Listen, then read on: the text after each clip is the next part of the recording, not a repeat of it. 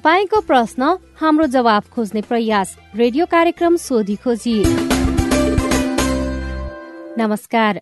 Radio कार्यक्रम सोधी खोजीमा तपाईँलाई स्वागत छ। म सजना तिमल सिन्हा। तपाई यो कार्यक्रम सामुदायिक रेडियो प्रसारक संघ अकोराबद्वारा संचालित सामुदायिक सूचना नेटवर्क सीआईएन मार्फत देशभरिका सामुदायिक रेडियोबाट सुनिरहनु भएको छ। साथै सीआईएन खबर डट कम र मोबाइल एप सीआईएनमा पनि यो कार्यक्रम सुन्न सकिन्छ। आम नागरिकमा लक्षित कल्याण र समुन्नतिका लागि प्रजातान्त्रिक पद्धति अपनाई कानून बमोजिम सञ्चालित कुशल पारदर्शी र जवाफदेही युक्त शासन प्रणालीलाई सुशासन भनिन्छ। सुशासनले विधिको शासनमा विश्वास गर्दछ। शासन सत्तामा रहेका व्यक्तिले देश र जनताको सेवकको रूपमा आफूलाई नबुझेसम्म सुशासनले मूर्त रूप लिन सक्दैन। अनि सुशासनमा सार्वजनिक सेवा प्रवाह गर्ने राज्य यसका निकाय र सिंगो प्रशासन तन्त्रले देश र जनताको भलाइका लागि काम गर्न निस्वार्थ रूपमा छिटो एवं छरितो सेवा प्रवाह गर्नुपर्दछ। तपाईँले ती सेवा कसरी पाइरहनु भएको छ? तपाईँका सवाल र सेवालाई नागरिक मैत्री बनाउन केही प्रश्न तथा जिज्ञासाहरू छन्? तपाईँले सीआईएनमा पठाएका तिनै प्रश्न जिज्ञासाको हामी जवाब खोज्नेछौं। तपाईँले गरेको प्रश्न सवाल हो। सवालको जवाब कसले दिन्छ? यी जम्मै सवालको प्रमुख जिम्मेवार को हो? हामी जिम्मेवार निकाय र व्यक्तिलाई सोध्ने मात्रै छैनौं त्यसको खोजी पनि गर्नेछौ। तपाईँको प्रश्नको उत्तर मात्रै खोज्ने छैनौं। त्यसपछि त्यो सवाललाई टुङ्गोमा पुर्याउन के भइरहेको छ त्यसको पनि सोधी खोजी गर्नेछौ। हाम्रो टेलिफोन नम्बर शून्य एक बान्न साठी छ चार छमा फोन गरेर रेकर्ड गर्नुहोस्। यो नम्बरमा तपाईँले जुनसुकै बेला फोन गरेर आफ्नो प्रश्न रेकर्ड गर्न सक्नुहुनेछ। यस्तै सीआईएनको फेसबुक पेजमा गएर तपाईँले आफूलाई लागेका प्रश्न जिज्ञासाहरू लेख्न सक्नुहुनेछ। तपाईँ प्रश्न राख्नुहोस् हामी जवाब खोज्नेछौ कार्यक्रम सोधी खोजीमा। देश संघीयतामा गएपछि सात सय त्रिपन्नवटा स्थानीय सरकार छन्। सात प्रदेश सरकार र केन्द्रमा संघीय सरकार छ। संघ प्रदेश र स्थानीय सरकारबाट सम्पादन हुने काममा ढिलासुस्ती छ अनियमितता भएको छ नियम मिचेर कसैले काम गरेको छ भने तपाईँले ती गुनासा सीआईएनमा राख्न सक्नुहुनेछ। घर दैलोमा सरकार पुगेपछि नागरिकले प्रभावकारी सेवा पाउने र विकासको कामले प्राथमिकता पाउने आशा गरिएको थियो। के नागरिकले त्यही आशा अनुसारको सेवा पाइरहेका छन्। छैनन् भने ती प्रश्न पनि तपाईँले राख्न सक्नुहुनेछ। आज हामीसँग कृषि र सड़कसँग सम्बन्धित प्रश्न अनि ती प्रश्नको जवाब छन्। शुरूमा एउटा जानकारी अहिले मुगलिन नारायणगढ़ सड़क खण्ड दिउँसो दैनिक चार घण्टा बन्द गरेर काम भइरहेको छ। यसले गर्दा काठमाण्डु भित्रिने र बाहिरिने मुख्य नाकाको रूपमा रहेको यो सड़क खण्डमा यात्रा गर्ने यात्रु लामो समयसम्म जाममा पर्ने देखिएको छ। कुन समयमा यात्रा गर्न पाइँदैन अनि कहिलेसम्म यो क्रम चल्छ भन्ने बारेमा जानकारी दिँदै हुनुहुन्छ नारायणगढ़ मुगलिन सड़क योजना कार्यालयका प्रमुख किरण कार्की।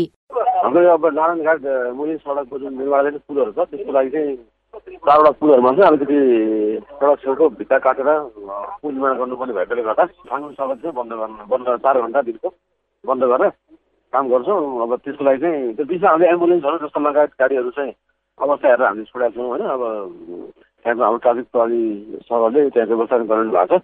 त्यसलाई बिचमा एकचोटि छोडेर बिचमा होइन सफा गरेर छोडि पनि रहेको छौँ। त्यसलाई समस्या भएन। अब नर्मली ओभरले चाहिँ त्यसरी गरिरहेको छौँ चार घन्टा चाहिँ बन्द हुन्छ। अब यात्रु गर्नुभयो त्यही अनुसार अघि सकेसम्म त्यो टाइम म्यानेज गरेर हेरिदिनु भयो भने अब निर्माण कार्यको लागि सहजता हुन्थ्यो उहाँहरूलाई चाहिँ सजिलो हुन्थ्यो भन्ने हाम्रो अनुरोध पनि छ।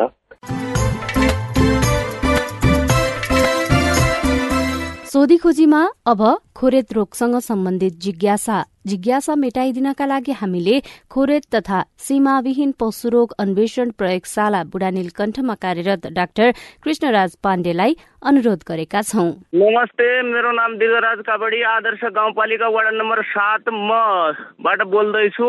आदर्श गाउँपालिकाको वडा नम्बर सातमा खोरे रोगको बिगबिगी भएको हुनाले यो कसरी रो यसको रोकथाम गर्न सकिन्छ कि सकिँदैन यसको रोकथाम गर्नका लागि के गर्न सकिन्छ भन्ने मेरो जिज्ञासा छ। यसको सही जवाब पाउनु हुन म सम्बन्धित निकायमा को ध्यान आकर्षण गराउन चाहन्छु? अब यो खोरेत रोग वास्तवमा एउटा विषाणुबाट लाग्ने रोग हो। खोरेत रोग लगाइसकेपछि यसको औषधि उपचार गर्ने ठ्याक्कै प्रभावकारी औषधि चाहिँ हुँदैन।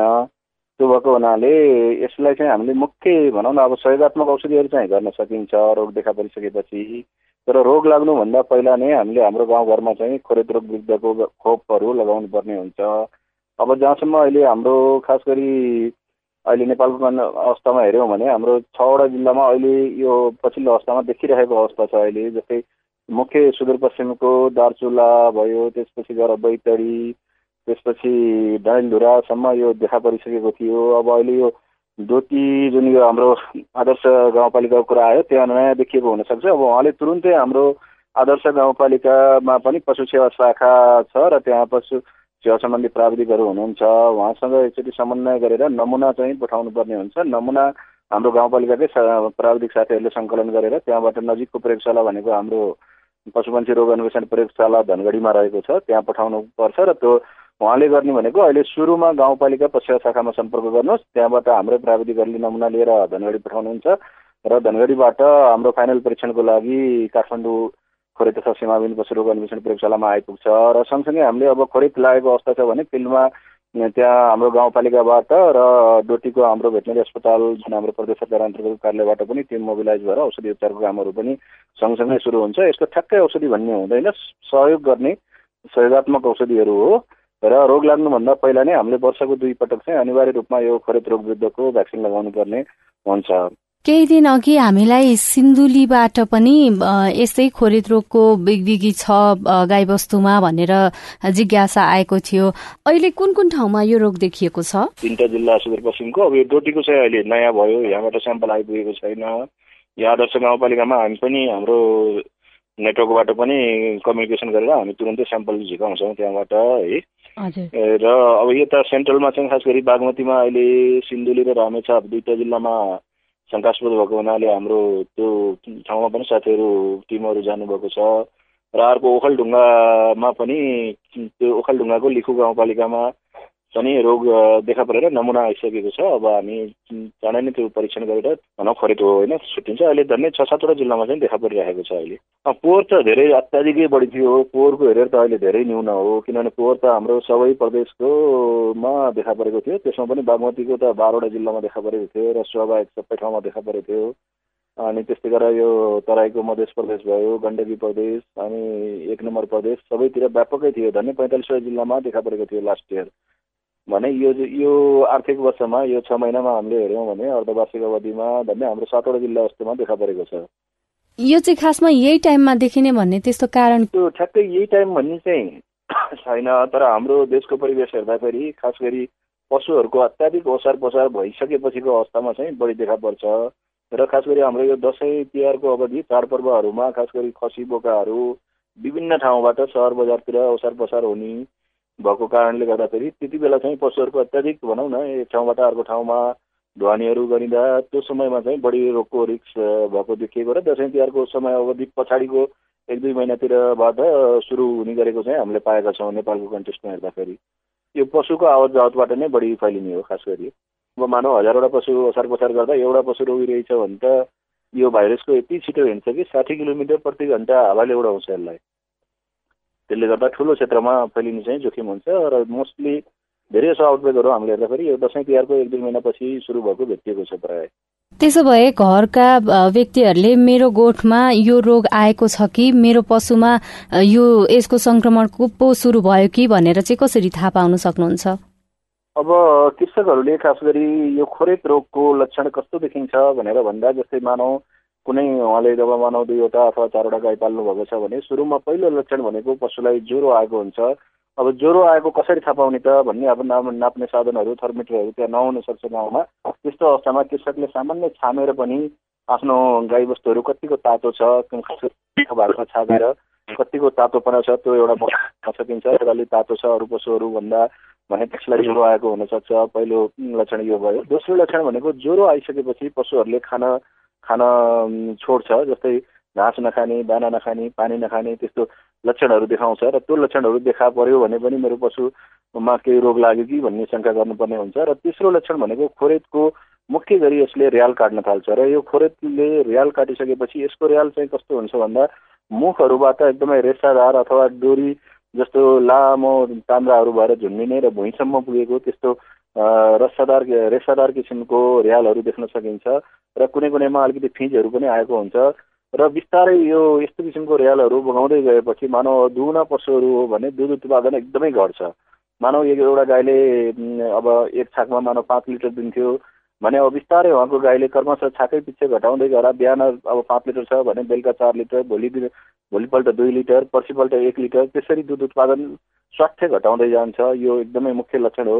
र अर्को बिस्तारै अब यति भइसकेपछि त्यो पशुको मुखको वरिपरि र खुट्टाको जुन यो खुरहरूको वरिपरि चाहिँ घाउहरू देखा पर्न थाल्छ। यो खोरेतको मुख्य लक्षणै भनेको यसलाई हामी फुट एन्ड माउथ डिजिज भनिन्छ अङ्ग्रेजीमा किनभने फुट भनेको खुट्टा माउथ भनेको मुख। खुट्टा र मुखमा घाउहरू हुने भएको हुनाले यो रोगलाई अङ्ग्रेजी भाषामा फुट एन्ड माउथ डिजिज भनिएको हो र नेपालीमा हामी खोरेत भन्छौँ। खुट्टा र मुखमा घाउहरू देखा पर्न थाल्छ। घाउहरू देखा परिसकेपछि त्यहाँ त्यो घाउहरू फुट्ने त्यसपछि त्यो घाउहरूबाट पानीहरू बग्ने बिस्तारै अब गर्मी सिजन छ तराईको ठाउँहरू छ भने झिँगाहरू परेर किराहरू परेको अवस्था पनि हुनसक्छ। र यस्तो लक्षणहरू भइसकेपछि खुट्टामा घाउ भएपछि पशुले हिँड्दाखेरि खोच्याउँछ र पशुहरूलाई यताउता गर्दाखेरि खोच्याएको देखियो भने त्यो पनि एउटा लक्षण हुनसक्छ र हामीले कृषकहरूले आफ्नो पशुको खुट्टामा राम्ररी हेर्नुपर्ने हुन्छ। त्यस्तै गरेर मुखमा घाउहरू छ भने खानेकुराहरू खाँदा घाँस पराल खाँदा उसलाई घोज्छ दुख्छ त्यो भएर उसले कति पनि घाँस पराल खाँदैन। र यस्तो लक्षण देखियो भने चाहिँ मेरो पशुहरूमा अब यो खोरेत लागेको हुनसक्छ अथवा कुनै भनौँ न खोरेतै नभइकन नि अब कुनै रोग हो समस्या आयो भनेर उहाँले जति सक्दो चाँडो आफ्नो नजिक को हुनुहुन्छ त्यहाँ होइन? अब खास गरी अहिले हरेक गाउँपालिका नगरपालिकामा अब हाम्रो स्थानीय सरकार पशु सेवा शाखा गाउँपालिका नगरपालिकामा पशु सेवा शाखा छ। त्यहाँ उहाँले तुरन्तै सम्पर्क गरेर प्राविधिकलाई देखाउनु पर्ने हुन्छ। अथवा हाम्रो प्रदेश सरकारको भेटनेरी अस्पताल पशु सेवा विज्ञ केन्द्रहरू छ हरेक जिल्लाको जिल्ला सदरमुकामहरूमा त्यहाँ पनि उहाँलाई नजिक पर्छ भने त्यहाँबाट पनि प्राविधिकहरू बोलाएर अब के कस्तो छ खोरेत हो होइन त्यसको लागि यदि उहाँले पनि शङ्का गर्नुभयो प्राविधिकले भने पनि नमुना लिएर अब हाम्रो यहाँ प्रयोगशालासम्म पठाउने एउटा हाम्रो संयन्त्र छ। अथवा त्यस्तो महामारी फैलेको बेलामा हामी पनि त्यो सम्बन्धित ठाउँमा आएर कृषकको घर गोठमा गएर पनि नमुनाहरू सङ्कलन गर्छौँ। जति सक्दो चाँडो उहाँले सूचना चाहिँ नजिकको पशु सेवा शाखा अथवा त्यो पनि नजिक परेन भने आफ्नो ओडामा ओडामा भनौँ प्राविधिक कोही हुनुहुन्छ हुनुहुँदैन अथवा ओडा अध्यक्षलाईसम्म खबर गरिदिनु भयो ओडा सदस्यहरूलाई समेत खबर गरिदिनु भयो भने उहाँहरूले पशु शाखामा खबर गरेर त्यहाँबाट हामी हाम्रै संयन्त्र मार्फत चाहिँ नमुना सङ्कलनहरू गरेर अब रोग हो होइन त्यो कुराहरू चाहिँ हामी भनौँ न सही रोग निदान गर्छौँ। र अहिले भनिएका जस्ता लक्षणहरू देखियो भने कृषकले जति सक्दो चाँडै सूचना प्रवाह चाहिँ गरिदिनु पर्यो। त्यो रोग नियन्त्रणमा सहज हुन्छ र सजिलो पनि हुन्छ। अब यो देशका विभिन्न ठाउँमा देखिन थालेको अवस्थामा किसानहरूले चाहिँ गाईबस्तुलाई कसरी चाहिँ सुरक्षित राख्न सक्नुहुन्छ? अब यो अहिले पछिल्लो अवस्थामा हाम्रो जस्तै ओखलढुङ्गामा पनि अहिले देखिरहेको अवस्था छ होइन? केही दिन अगाडि मात्रै हाम्रो त्यहाँबाट खबर आएको थियो गाउँपालिकाबाट र हाम्रो साथीहरू त्यहाँ एउटा टिम जानुभएको अवस्था पनि छ र सँगसँगै अर्को भनेको हाम्रो त्यहीसँग नजिकै पर्ने एरिया हाम्रो सुन्दि सिन्धुलीको पनि यो फिकल गाउँपालिका एरियातिर त्यहाँ पनि रोग देखा परेको भनेर खबर आइसकेको छ र त्यहाँबाट पनि नमुना सङ्कलन कामहरू गर्नलाई सुरु भइसकेको अवस्था छ। र त्यसले गर्दाखेरि अब यो खोरेत रोग खास गरी महामारी रोग हो एउटा सीमाविहीन रोग हो र आइसकेपछि धन्य यो रोगको भाइरस साठी किलोमिटर प्रति घन्टासम्म हावाले उडाएर लैजान सक्छ। त्यसले गर्दा अब यो रोग आइसकेपछि औषधि उपचार भन्दा पनि अब किनभने यसको प्रभावकारी औषधि त छैन मैले अहिले भनिसकेँ। रोग लगाइसकेपछि अब दुध उत्पादन धेरै घटाउने साना पशु र कहिलेकाहीँ ठुला पशुहरू पनि मृत्यु हुन सक्ने हुन्छ र रोग लगाइसकेपछि त हामीलाई धेरैतिरबाट क्षति हुनसक्छ त्यसले गर्दा अब कृषक महानुभावहरूले खास गरी यो रोगको विरुद्ध चाहिँ हाम्रो खोरेत रोग विरुद्धको खोपहरू छ र यो हाम्रो राष्ट्रिय रोग नियन्त्रण कार्यक्रम अन्तर्गत पनि अब यो हरेक गाउँपालिका नगरपालिका मार्फत खोपहरू परिचालन हुन्छ र वर्षमा दुई पटक चाहिँ यो रोग विरुद्धको खोपहरू लगाउनु पर्ने हुन्छ। खास गरी अब हामी यो भनौँ असोज कार्तिक महिनातिर एकपटक र अर्को यो चैत विशाखतिर एकपटक गरेर वर्षमा दुई पटक हामीले खोप लगाउन सक्यौँ भने हाम्रो पशुहरू चाहिँ सुरक्षित राख्न सक्छौँ। र दोस्रो भनेको नयाँ ठाउँबाट पशुहरू किनेर ल्याउँदा हामीले त्यो पशुहरू रोगी छ छैन के छ कस्तो छ सकेसम्म त्यहाँ नजिक को हुनुहुन्छ प्राविधिक होइन? गाउँपालिका नगरपालिका पशु शाखा अहिले जुन प्रत्यक्ष रूपमा किसानको घर नजिक हुनुहुन्छ त्यहाँ सम्पर्क गरेर कम्तीमा त्यो एरियामा रोगको अवस्थाहरू के छ त्यो उहाँले किन्न खोज्नुभएको पशु बिरा रोगी छ छैन अथवा सामान्य कृषकले हेर्दा पनि भनौँ न दाना पानी खाएको छ छैन ज्वरो आएको छ छैन अथवा र्यालहरू काटेको छ कि त्यस्तो पशुहरू छ भने त्यस्तो पशुहरूलाई एक ठाउँबाट अर्को ठाउँमा धुवानी गर्ने लैजाने कामहरू गर्नु हुँदैन। त्यसो गर्दाखेरि रोगहरू झन् फैलिन सक्छ र रोग फैलिएको बेलामा चरणमा लैजाने चराउन लैजाने कामहरू पनि गर्नु हुँदैन। को पशुहरूलाई गोठमै राख्ने र घाँसहरू बरु काटेर ल्याएर खुवाउने पसिलो कुराहरू खुवाउने गर्नुपर्छ। रोग फैलिएको अवधिसम्म चरण क्षेत्रहरू बन्द गर्नुपर्छ र पोसिलो खानेकुराहरू घरमै दिन सकियो भने हामीले धेरै हदसम्म यो रोगलाई नियन्त्रण गर्न सक्छौँ। जस्तै अब तपाईँ आफैले पनि भन्नुभयो यो महामारी हो भनेर। एउटाबाट अर्कोमा सर्न नदिनको लागि चाहिँ के के सावधानीहरू अप्नाउन सक्छन् किसानले? अब यसमा मुख्य रोग आइसकेपछि गाउँघरमा जस्तै अब अहिले भनौँ पछिल्लो समयमा हाम्रो खास गरी सुदूरपश्चिम र बागमती प्रदेशकै पनि केही जिल्ला र प्रदेश एकको ओखलढुङ्गा जिल्लाहरूमा अहिले देखिरहेको अवस्था छ। र यस्तो अवस्थामा रोग आइसकेको सन्दर्भमा अब पहिलो काम भनेको उहाँले नजिकको पश्चिम शाखामा सूचना दिने हो। सूचना दिइसकेपछि हाम्रो जुन अब यो तिन तहको सरकार बिचको जस्तै स्थानीय गाउँपालिका नगरपालिका पश्चिम शाखा प्रदेश अस्पतालहरू जुन प्रदेश सरकार अन्तर्गतको भेटनरी हस्पिटलहरू छ त्यस्तै गरेर हाम्रो सङ्घ अन्तर्गत प्रयोगशालाहरू छ रोग निदानको लागि हामीले हाम्रो नेटवर्कबाट नै त्यो नमुनाहरू सङ्कलन गरेर त्यो रोग हो होइन निदानको काम गर्छौँ र किसानले आफ्नो तर्फबाट गर्नुपर्ने भनेको कुनै पशु रोगी देखियो फार्ममा भने त्यो पशुलाई जति सक्यो छिटो छुट्याएर राख्नु पर्यो। किनभने कुनै किसानले मानौ दसवटा गाई पाल्नु भएको छ एउटा गाईमा त्यस्तो लक्षणहरू देखियो भने त्यो गाईलाई त्यो अरू नौवटा गाईबाट अलग्गै राख्नुपर्छ जसले गर्दा अरूलाई केही हदसम्म जोगाउन सकिन्छ। तर यो महामारी भइसकेको हुनाले एउटा ठाउँमा रोग भित्रिसकेपछि त फैलिने सम्भावना अत्याधिक बढी हुन्छ। त्यो भएर हामीले मुख्य उपाय भनेको यसलाई रोगै गाउँमा भित्रिन नदिनु हो। त्यसको लागि वर्षको दुई पटक अनिवार्य रूपमा खोरेत रोग विरुद्ध खोप लगाउनु पर्यो। र रोग रोग गाउँमा आइसक्यो अथवा गोठमा भित्रिसकेको अवस्थामा चाहिँ अन्य रोग देखा नपरेको लक्षण देखा नपरेको पशुलाई छुट्याएर राख्ने र त्यो रोगी पशुलाई सकेसम्म अब जसले दाना पानी दिनुहुन्छ स्याहार गर्नुहुन्छ र त्यो भनौँ एकैजना व्यक्ति हुनुहुन्छ भने पहिला निरोगी पशुहरूलाई दाना पानी गरेर मात्र रोगीलाई दाना पानी दिनु पर्यो। किनभने सुरुमा रोगीलाई हामीले दाना पानी दिएर अब अर्को पशुतिर जाँदा रोगहरू सर्न सक्छ। यदि दुईजना हुनुहुन्छ भने रोगी पशु हेर्ने एकजना छुट्टै मान्छे र अरू निरोगी पशु हेर्ने छुट्टै मान्छे गर्नुपर्ने हुन्छ। र तेस्रो भनेको रोगी पशुलाई हामीले चरणमा लैजानु हुँदैन। किनभने चरणमा धेरै घरको धेरै गाउँको पशुहरू ल्याउनु भएको हुन्छ। एउटा पशु रोगी रहेछ त्यसलाई हामीले चरणमा लगायौँ भने अन्य पशुहरूलाई समेत यो रोग सरेर गाउँभरि नै रोगहरू फैलिन सक्छ। र यी प्रक्रियाहरू गऱ्यौँ भने हामीले केही हदसम्म रोग नियन्त्रण गर्न सक्छौँ र रोगी पशुलाई चाहिँ उहाँले जति सक्यो चाँडो आफ्नो गाउँपालिका नगरपालिका पश्चिम शाखा कता नजिक पर्छ अथवा कतिपय वडाहरूमा नि प्राविधिकहरू हुनुहुन्छ अहिले त्यहाँ सम्पर्क गरेर केही सहयोगात्मक औषधि उपचारहरू छ त्यो प्रक्रियाहरू पनि सुरु गर्नुपर्ने हुन्छ। यति गर्दाखेरि हामीले केही हदसम्म जोगाउन सक्छौँ। उहाँ हुनुहुन्थ्यो खोरेत तथा सीमाविहीन पशुरोग अन्वेषण प्रयोगशाला बुढानील कण्ठमा कार्यरत डाक्टर कृष्णराज पाण्डे। अहिले सातवटा जिल्लामा खोरेत रोग देखिन थालेको र यसबाट आफ्ना पशु चौपायालाई जोगाउन गर्न सकिने कामका बारेमा कुरा गर्दै। फेरि पनि कृषिकै प्रसंग सबै प्रश्नको जवाफ दिँदै हुनुहुन्छ राष्ट्रिय बागवानी केन्द्र खुमलटारका प्रमुख सुरेन्द्र लाल श्रेष्ठ। हेलो नमस्कार। म केचुराम भाट भूमिका स्ट्याम्प तिन आठ नम्बर अध्यक्ष पर्छ। ठुलो खालका चितपानी हो। मलाई चाहिँ यो सोध्न थियो कि हजुरको आलु लगाएको दुई फेर जो आलु बाली चाहिँ डढेलो लगाएर खतम पार्यो। अब फेरि लाउँदाखेरि आज भोलि लाए हुन्छ कि अथवा कहिले लाउनु पर्ला भनेर त्यो जानकारी चाहिएको थियो हजुर। हस् धन्यवाद। हजुर हजुर अब हजुरको त्यो प्रश्न चाहिँ अब मैले कुन ठाउँ भनेर चाहिँ मैले थम्याउन सकिएन होइन हजुरको अब कस्तो छ भन्दाखेरि चाहिँ यो आलु लगाउने समय चाहिँ फरक फरक पर्छ हजुरको अब तराई क्षेत्र हो भित्री मधेस हो भनेदेखि नि हजुरको चाहिँ कस्तो भन्दाखेरि ती क्षेत्रहरूमा ती क्षेत्रहरूमा चाहिँ असोज कार्तिकमा आलु लगाइन्छ अनि आएर चाहिँ तपाईँको यो मध्य पाहाड मध्य पाहाड हजार मिटरभन्दा माथि यो पन्ध्र सय सोह्र सय मिटरसम्म चाहिँ यो माघ महिनामा आलु लगाइन्छ। र अनि आएर उच्च पाहाडमा चाहिँ सत्र सय मिटरभन्दा माथि चाहिँ यो हिउँ पग्लेपछि चिसो सिद्धिएपछि फागुन चैतमा चाहिँ आलु रोपिन्छ। त्यसले गर्दाखेरि अब कुन चाहिँ ठाउँ परेको हो त्यति क्लियर भइएन। यदि मध्य पाहाड हो भनेदेखि चाहिँ आलु लगाउने सिजन अब चिसो गइसकेको छ। यो सरस्वती जुन अहिले जस्तै भनौँ न हामी सरस्वती पूजा यो बसन्त पञ्चमी सिद्धिएपछि चाहिँ आलु धमाधम लगाउन चाहिँ थालिन्छ। यदि मध्य पहाड हो चाहिँ अब आलु लगाउने समय चाहिँ सुरु भयो। जुन उहाँले डढेलो लागेर भन्नुभएको छ त्यो त्यही ठाउँमै रोप्न मिल्छ कि अलिकति सार्नुपर्छ कि के हुन्छ? हजुर अब यो आलुको चाहिँ अब रोप्ने समय चाहिँ मैले अघि जुन बताएँ होइन? यो डढेरो यो जुन डडुवा रोग भन्नुभयो यो डडुवा रोग चाहिँ प्रायः घाम लागेन अलि चिसो तापक्रम छ सापेक्षिक आर्द्रता छ भनेदेखि चाहिँ यो बढ्ने हो। जस्तै अहिले यो तराईमा तुस यो शीतलहर चल्ने बेलामा घाम लागेको हुँदैन अलिकति यो शीत परेको हुन्छ अनि यस्तो बेला चाहिँ डडुवा रोग बढ्ने हुन्छ। त्यसले गर्दाखेरि डडुवा रोग चाहिँ अब माटोमै बसिराख्ने यो वर्ष डडुवा रोग लाग्यो भने माटोबाटै अर्को वर्ष सर्ने भन्ने चाहिँ छैन। त्यसैले गर्दाखेरि अब डडुवा रोग लागेको जग्गामा मा आलु लगाउन चाहिँ मिल्छ नमिल्ने कुरा होइन।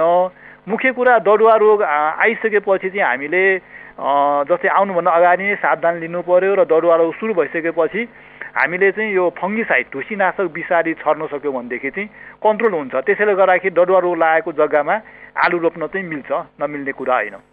तरकारी बालीको कुरा गर्दा यो बेलामा चाहिँ मुख्य गरी अब के के लगाउन सकिन्छ त्यो भनिदिनुहोस् न। ए हजुर अब यो अहिले त अब माघ छ गते भन्नुभयो होइन? चिसो चाहिँ अब झन् झनै सिद्धिन लागिसकेको छ प्रायः चाहिँ अस्ति माघ एक एक गतेदेखि सूर्य चाहिँ अब उत्तरायणमा जाने भन्छ भन्नुको मतलब चिसो चाहिँ अब घट्दै जाने हुन्छ। त्यही भएर अहिले यो समयमा चाहिँ हामीले अब तराईमा हो भनेदेखि चाहिँ बिस्तारो लहरे तरकारी बालीहरू लगाउने चाहिँ सुरु भइसकेका छ। अब चिसो यो सिद्धिएपछि अनि यो मध्य पहाडमा तथा तराईमा भनौँ अब चाहिँ लगाउने समय अब रोप्ने समय रोप्ने चाहिँ बाली भनेको चाहिँ यो यो लहरे तरकारी बालीहरू हुन्। मध्य पहाड र तराईको क्षेत्रमा लहरे तरकारी बाली भन्दाखेरि काँक्रो लौका फर्सी घिरौला बोडी सिमी यिनीहरू परे। र त्यसको लागि चाहिँ हामीले पहिला अब यो कोसे बाली चाहिँ होइन अरू बालीहरूको लागि चाहिँ काँक्रो लौका फर्सी घिरौला यिनीहरूको लागि चाहिँ नर्सरी ब्याट। त्यस कारण अहिले चाहिँ नर्सरी ब्याट तयार गर्ने बेला भइसकेका छन्। यो लहरा जाने बालीहरूको लागि यो सानो सानो पोली ब्यागमा चाहिँ बिउहरू रोप्ने र राति चिसोबाट बचाउने र अलिकति तातो हुनासाथ बिरुवा चाहिँ बाहिर सारेर यो अगौटे तरकारी बालीहरू हामीले लिन सक्छौँ। भनेदेखि यो मध्य पहाडमा चाहिँ हामीले यो लहरे तरकारी बालीको साथसाथै अब चाहिँ यो फागुन लगाइसकेपछि हाम्रो चाहिँ यो गोलबेरा भन्टा खुर्सानी यस्तो लगाउने सिजन सुरु हुने हुनाले अहिले चाहिँ मेन अहिले मध्य पहाडमा चाहिँ नर्सरी राख्ने सिजन सुरु भइसकेको छ। अब हामीले बिस्तारै चाहिँ बिउहरू खसाल्ने राति चिसोबाट बचाउने र त्यो बेर्ना तयार पारेर फागुन लागिसकेपछि चाहिँ सार्नुपर्ने हुन्छ। कतिपय अवस्थामा अहिले त हिउँदे वर्षा हुन सकेका छैन यसपालि। यो हिसाबले पनि तरकारीहरूमा कम पानी भए पुग्ने त्यस्ता के तरकारी बाली चाहिँ लगाउन सकिन्छ होला? हजुर अब अहिले त खासै अहिले लगाउने समय भनेको चाहिँ तरकारी बालीहरू अहिले खासै कुन लगाउने भनेर अहिले हालसालै त्यो लगाउने सिजन त त्यति छैन। यो मध्यपातमा अब बिस्तारो सुरु हुने हो।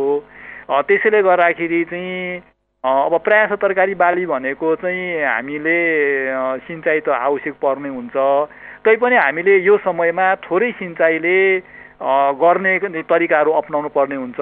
जस्तै तरकारी बालीहरूमा हामीले चाहिँ यो मल्चिङ मल्चिङ भनेको जस्तै प्लास्टिकले छोपेर अथवा घाँस पटिङ्गरहरू पराल सरालले छोपेर मल्चिङ गरेर पनि अलिकति पानी चाहिँ उडेर जाने चाहिँ बाटो हामी बचाउन सक्छौँ। र अलिकति चाहिँ यो पानी सहने भनौँ न अत्याधिक वर्ष पानी सिँचाइ गर्न नपर्ने जातहरू चाहिँ हामीले लगाउनु पर्ने हुन्छ। तर खास अहिले चाहिँ बिरुवा बचाउन बचाउनलाई पानी भए पुग्छ पछि त अब पानी पर्छ नै होला नि। नमस्कार म डगलबुरा जिल्ला अजमेर गाउँपालिका वडा नम्बर दुई सुन्दर सुदूर पश्चिम प्रदेशबाट गगन सिंह बोलिराखेको हो। हजुर मैले ओखर खेती गर्ने विचार गरेको थिएँ। ओखर खेती गर्नुको लागि कस्तो किसिमको क्लाइमेट अथवा वातावरण चाहिन्छ र ओखर खेती गर्दाखेरि एक दिन बोटदेखि अर्को बोटसम्मको डिस्टेन्स कति हुनुपर्छ र बोट बिरुवा रोप्नुभन्दा अघि कति समय अघि खाडल पिट बनाउनु बनाउनु पर्दा अनिवार्य हुन्छ भन्ने मेरो चाहिँ जिज्ञासा थियो। यसको मेटाउनुको लागि हजुरले केही सहयोग गरिदिनु गरिदिनु हुनेछ भन्ने अपेक्षा गरेको छु। धन्यवाद सुदूरपश्चिममा हुनुहुँदो रहेछ होइन? सुदूरपश्चिममा अलिकति चिसो ठाउँमा त अब ओखर चाहिँ त्यहाँको लागि राम्रै हुन्छ। मुख्य कुरा ओखर लगाउनको लागि चाहिँ हामी यो समुद्र सतहदेखि उचाइको कुरा गर्छौँ। हजुरको अब कस्तो भन्दाखेरि प्रायः जाडो समयमा चाहिँ यसलाई अलिक अत्याधिक चिसो भएको ठाउँ नै ओखरको लागि चाहिँ राम्रो हुन्छ। त्यसैले गर्दाखेरि तपाईँको चाहिँ जुन ठाउँ हो त्यो चाहिँ यो पन्ध्र सय मिटरभन्दा माथिको छ भनेदेखि चाहिँ हामीले ओखर लगाउन चाहिँ सक्छौँ। र त्यो चाहिँ अझ पन्ध्र सय मिटरभन्दा पनि माथि चाहिँ दुई हजार एक्काइस सय बाइस सय मिटर छ भनेदेखि अझ राम्रो हुन्छ। हुन त अब ओखरको जातहरू पनि कुनै अलिकति चिसो कम अलिक कम चिसो ठाउँमा कुनै चाहिँ अत्याधिक चिसो हुने हिउँ पर्ने क्षेत्रमा चाहिँ भएका जातहरू हुन्छ। साधारणतया चाहिँ हाम्रो सत्र सय मिटरभन्दा माथि चाहिँ ओखरको लागि सुइटेबल राम्रै हुन्छ। र तपाईँले चाहिँ अब ओखरको जुन भन्नुभयो कति दुरीमा लगाउने भन्ने कुरा यो चाहिँ केमा भर पर्छ भन्दाखेरि जातमा भर पर्छ। साथसाथै चाहिँ अब यो ग्राफ्टेड आजकल चाहिँ अब कलमी बिरुवा रोप्ने रोप्ने चलन छ र रोपिन्छ पनि।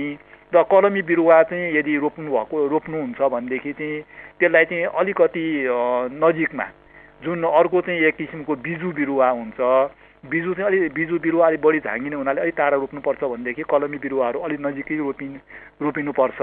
र साधारणतया चाहिँ अहिले यो कलमी बिरुवा रोप्नु नै कमर्सियल्ली व्यावसायिक रूपमा उत्पादनको हिसाबमा चाहिँ कलमी बिरुवातिरै रोप्नुपर्ने हुन्छ।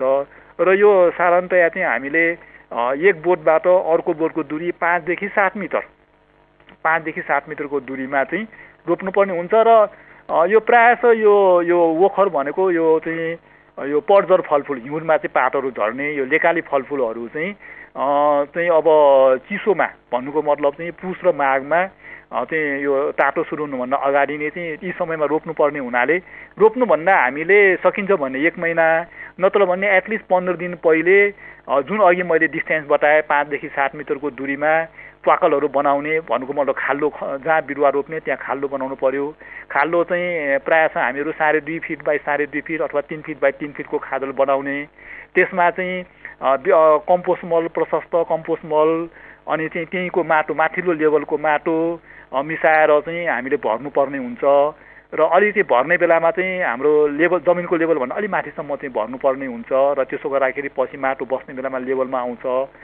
यसरी चाहिँ हामीले खाल्डो खनेर पन्ध्र दिन अथवा एक महिना अगाडि खाल्डो खनेर पुरी राख्ने र चाहिँ अनि यो पुसमाको समयमा हामीले चाहिँ यो यसको स्याप्लिङहरू बिरुवाहरू चाहिँ रोप्नुपर्ने हुन्छ।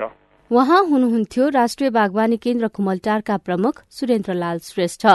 यो सँगै हामी कार्यक्रमको अन्त्यतिर आइपुगेका छौं। तपाईँका प्रश्नहरूको जवाब खोज्दा खोज्दै रेडियो कार्यक्रम सोधी खोजीको आजको अंकबाट विदा लिने समय भएको हो। तपाईलाई यो कार्यक्रम कस्तो लाग्यो?